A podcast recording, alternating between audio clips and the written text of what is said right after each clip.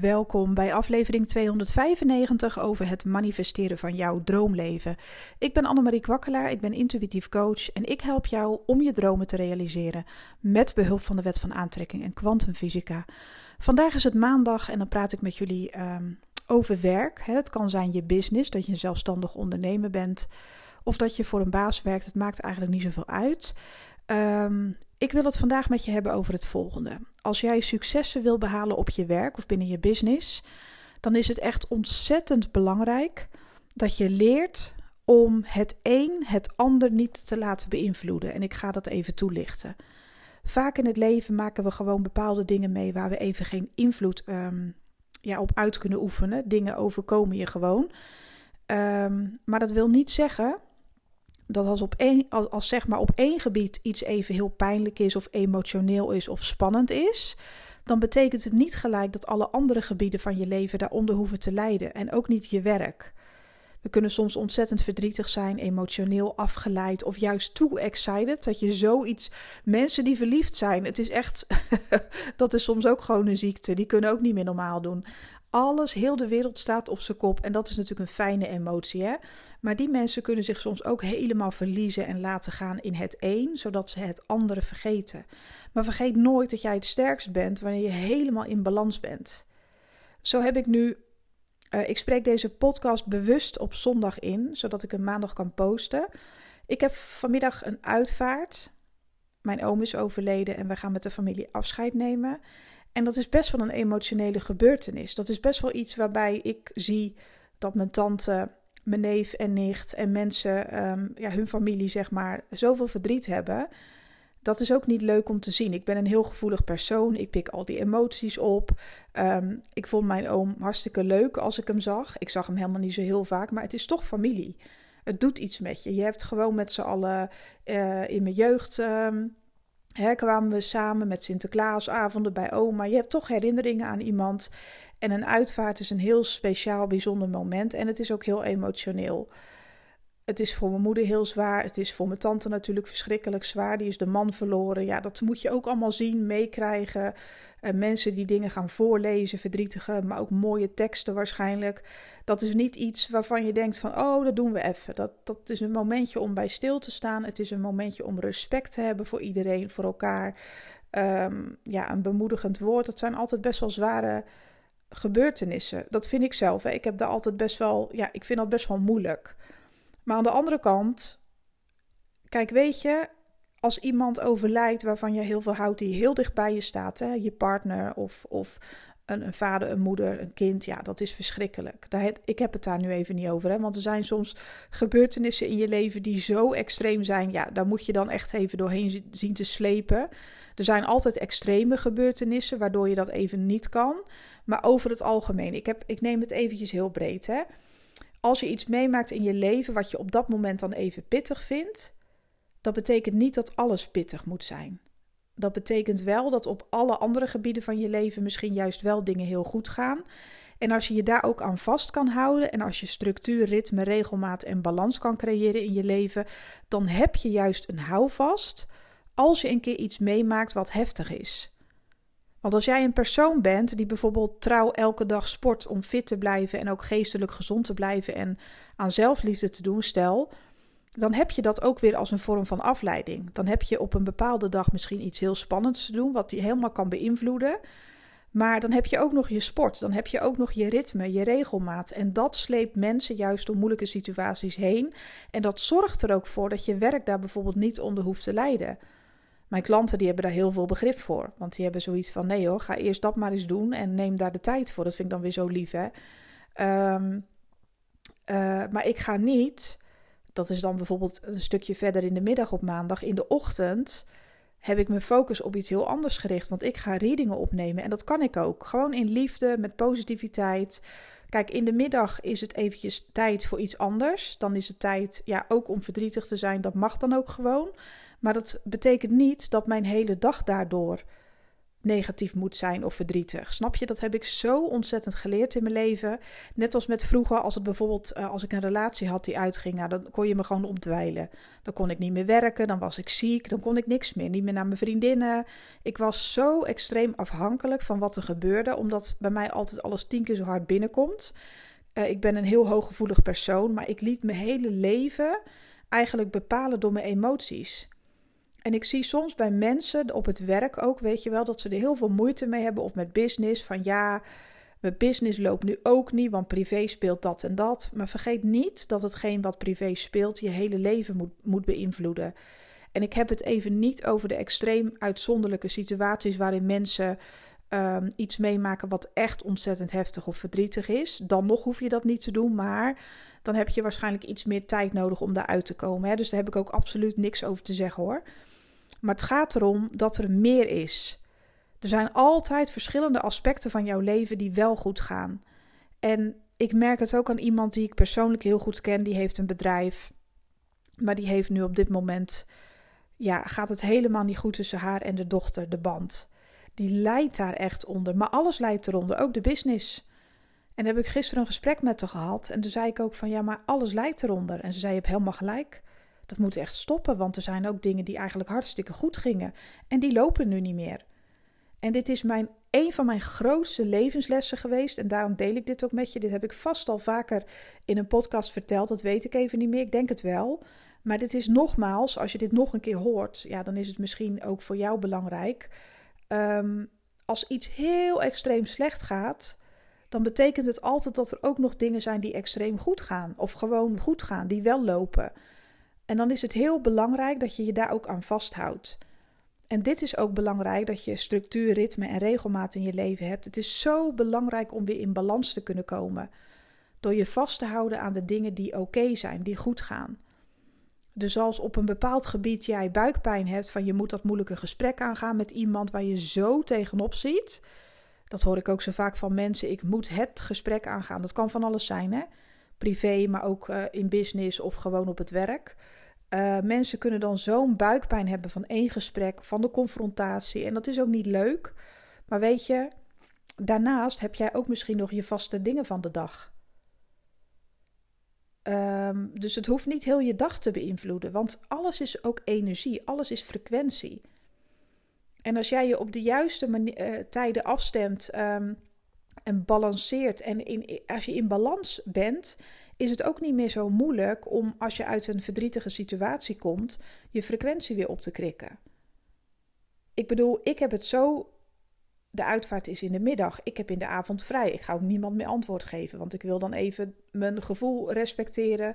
Ik wil alles loslaten. Ik wil wandelen. Ik wil mijn hoofd leegmaken. Ik neem die tijd voor mezelf. En de volgende dag ben ik als herboren. Dat weet ik gewoon. Daar ken ik mezelf goed genoeg voor dat is dan het, uh, het moment waarop ik die emotie mag voelen, waarop ik iets voor een ander ook even kan betekenen. Alles komt binnen en dat mag er zijn en ik neem er ook de ruimte en de tijd voor. Maar dat betekent niet dat de hele maandag alleen maar daarover moet gaan. En misschien zeg ik dit ook omdat dit uh, op dit moment, het is echt familie, hartstikke lieve man altijd tegen mij geweest. Daar gaat het even niet om. En Kijk, ik praat wel anders als mijn moeder zou overlijden, bijvoorbeeld, of mijn vader. Dat is een heel ander verhaal. Dat is zo dichtbij. Dat draag je ook met je mee. Maar ook dan, als dat ooit gebeurt, zal ik ervoor zorgen dat ik mijn ritme, structuur en regelmaat vastgrijp. Om er niet helemaal aan onderdoor te gaan. Om ook momenten te creëren waarop ik dat niet even hoef te voelen. Er zijn momenten waarop je dat moet voelen en mag voelen en moet verwerken. Want dat hoort ook gewoon bij het leven. Maar ik heb dat zo ontzettend geleerd in mijn leven om me nooit meer compleet te laten leiden door emoties of wat anderen wel of niet zeggen of doen. Of ja, dat heb ik zo afgeleerd. Want ik heb uh, heel veel jaren verspeeld aan verdrietig zijn, mezelf wegsteken. Um, ja, weet je, verstoppertje spelen, kop in het zand. Alleen maar vanwege mijn emoties, eh, omdat ik er niet mee kon dealen. En alles leed er bij mij onder. Mijn zus heeft me toen ooit eens op gewezen van Marie, dit is niet gezond. Als er bij jou iets gebeurt, hè, vooral in de liefde was dat bij mij. Ze zei, dan ben je helemaal kwijt. Dan ben je, ben je helemaal weg. Ja, dat is ook niet normaal. je kan hartverscheurende liefdesverdriet hebben, maar je kan ook troost zoeken bij vrienden en vriendinnen. Maar ik wilde dan niemand meer spreken. Ik kon niks meer. Ik deed, ja, dat was zo extreem. Ik had zo'n extreme verlatingsangst. Dat wanneer het uitging, dan was ik gewoon ziek. Dan kreeg ik ook gewoon echt griepverschijnselen. Dan was, dat heel mijn lijf was daar ook, ook allemaal op ingesteld. En bij mij is het wel een extreem voorbeeld misschien, maar ik heb er altijd heel erg onder geleden. Als ik mijn emoties constant de overhand laat nemen. En daardoor kon ik vroeger mijn werk en mijn privéleven totaal niet gescheiden houden, maar dan ook echt niet. En dat heeft mij gewoon ook heel veel kansen gekost. Dat heeft mij uh, de kansen die ik heb gemist, zeg maar. Ik heb mezelf daardoor ook veel te lang klein gehouden. En ik ben juist blij dat ik het nu inzie hoor. Ik heb er ook helemaal geen uh, niks over te zeggen, want ja, dat is mijn leven en ja, dat soort dingen gebeuren gewoon. Dus ik ben er ook niet heel erg hard in hoor, naar mezelf. Maar ik weet nu wel hoe ik daar beter mee om kan gaan. Er is altijd een plaats en een tijd om een emotie te voelen en te doorleven, natuurlijk. En dat moet ook, want je kan het moeilijk opkroppen. Dat is ook helemaal niet gezond. Maar daarnaast moet je echt proberen je vast te houden aan de dingen die wel goed gaan, zodat je frequentie weer omhoog kan. En zodat je juist nog beter jezelf kan dragen. Dus je kan jezelf beter dragen als je in evenwicht bent. En als je je van bepaalde situaties, dat je dat niet alles laat beïnvloeden, zeg maar. Dan kun je jezelf zo goed dragen, want dan weet je, hé, hey, hier zie ik tegenop, waardoor, maar ik wil niet dat mijn werk eronder leidt. Of dat het juist iets op je werk is waar je buikpijn van krijgt. En, maar dan deel je daarmee en dan betekent het ook dat je jezelf moet vasthouden aan de structuur, ritme en regelmaat die je voor jezelf hebt gecreëerd in je leven. Kijk, dit is ook een dingetje, dat vind ik wel mooi. Hè? Uh, mannen en vrouwen verschillen ook hè, hoe ze met emoties omgaan. Tenminste, de meeste mannen en vrouwen verschillen daarin. Wij vrouwen hebben altijd zoiets bij mannen van, nou, als het uitgaat, dan, uh, nou, dat is ook lekker. Hij gaat gewoon sporten. Hij gaat gewoon nog met zijn vrienden afspreken. Hij, doet, hij gaat gewoon verder met, met zijn leven. En ik lig in puin. maar vrouwen en mannen gaan anders om met emoties. Mannen kunnen veel makkelijker hun emoties parkeren om er later nog eens een keer naar te kijken. Of het overkomt ze ineens, het overvalt ze ineens.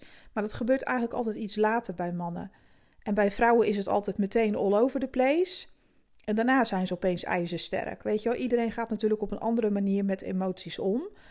Um, maar weet je, eigenlijk kunnen we dan, tenminste, ik kan wel iets leren van mannen wat dat betreft.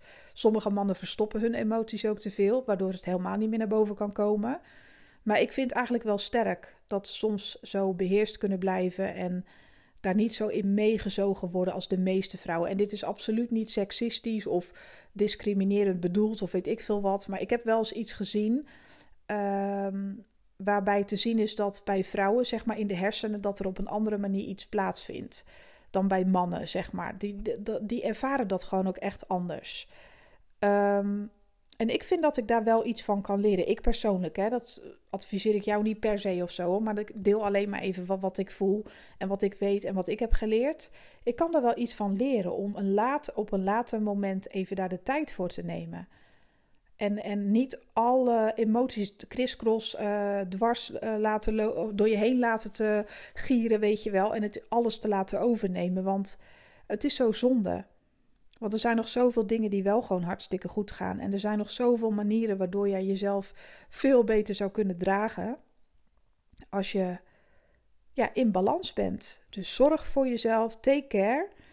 En als jij merkt dat je in je business hè, of op je gewone werk dat je je niet goed kan concentreren omdat er allerlei dingen in je leven spelen. Nou, focus je dan op de leuke dingen van je business en je werk die wel hartstikke goed gaan. Wees daar helemaal, ehm, ja, hoe zeg je dat? Um, ga dat echt met plezier tegemoet. Doe dat met plezier. En ja, voor alles is een tijd om iets aan te gaan. Voor alles is een tijd en een moment om iets te verwerken, een, iets moeilijks te doen, iets te ervaren. Maar daarnaast heb je nog zoveel andere dingen die jou gewoon stabiel kunnen houden. Dit, is, dit, is echt, dit was echt mijn pad om emotioneel veel stabieler te zijn. Ik was wat dat betreft vroeger emotioneel zo labiel. Ik, je kon mij zo omverblazen met één opmerking. Dan moest ik al janken bijna. Ik was zo, ja, hoe zeg je dat? Zo makkelijk te beïnvloeden. Zo makkelijk uh, kon ik ergens mee zitten. Maar ik heb dat gelukkig uh, voor het grootste deel helemaal los kunnen laten. En dit is wel een tip als je wil manifesteren. Want weet je, als je je leven laat bepalen door één gebeurtenis die heel verdrietig is, of weet ik veel wat, uh, eventjes los van de extreme gevallen, ja, dan heb je gewoon geen fijn leven. Want dan hoeft er maar weer iets te gebeuren en dan ben je helemaal uit je, uit je doen. Terwijl je het ook gewoon anders kan bekijken. Van hé, hey, maar er is ruimte om hiermee te zitten. Dat mag en dat is ook helemaal niet erg. Maar daarnaast heb ik dit en dat en zus en zo. En daardoor blijf ik gewoon in balans. En dat komt wel goed, want dan word je ook veel sterker van. Dus ja, dit is even wat ik toch graag met je wilde delen. Ik weet ook niet waarom, ik weet ook niet wie hier iets aan gaat hebben. Maar waarschijnlijk zijn er vast weer een paar mensen die dat herkennen en zoiets hebben van: oh ja, inderdaad. Weet je, dus uh, um, zorg goed voor jezelf, dat doe ik ook. Ik ben uh, dinsdag weer volop bereikbaar. Op maandag, als je even een mailtje stuurt, even wat minder, want dan ben ik natuurlijk met andere dingen even bezig. En dinsdag sta ik iedereen weer gewoon netjes te woord. Ik wens jou een super, super mooie dag. Ik ga er ook gewoon een normale goede dag van maken. En ik ga ervoor zorgen uh, dat ik met al mijn aandacht uh, bij alle aspecten ben op het juiste moment. En dan weet ik zeker dat het gewoon ook een goede dag wordt. Nou, hopelijk tot de volgende. Morgen heb ik weer een interessant uh, onderwerp voor je. En woensdag komt er een hele speciale aflevering, want dan ga ik het hebben over hoe win je de loterij. Hoe ga je daarmee connectie maken met die energie? Nou, dat is voor sommige mensen hartstikke gaaf. Daar ga ik het met jullie over hebben. Dat wordt echt een hele coole. Uh, geniet van je dag en hopelijk tot de volgende. Bye bye.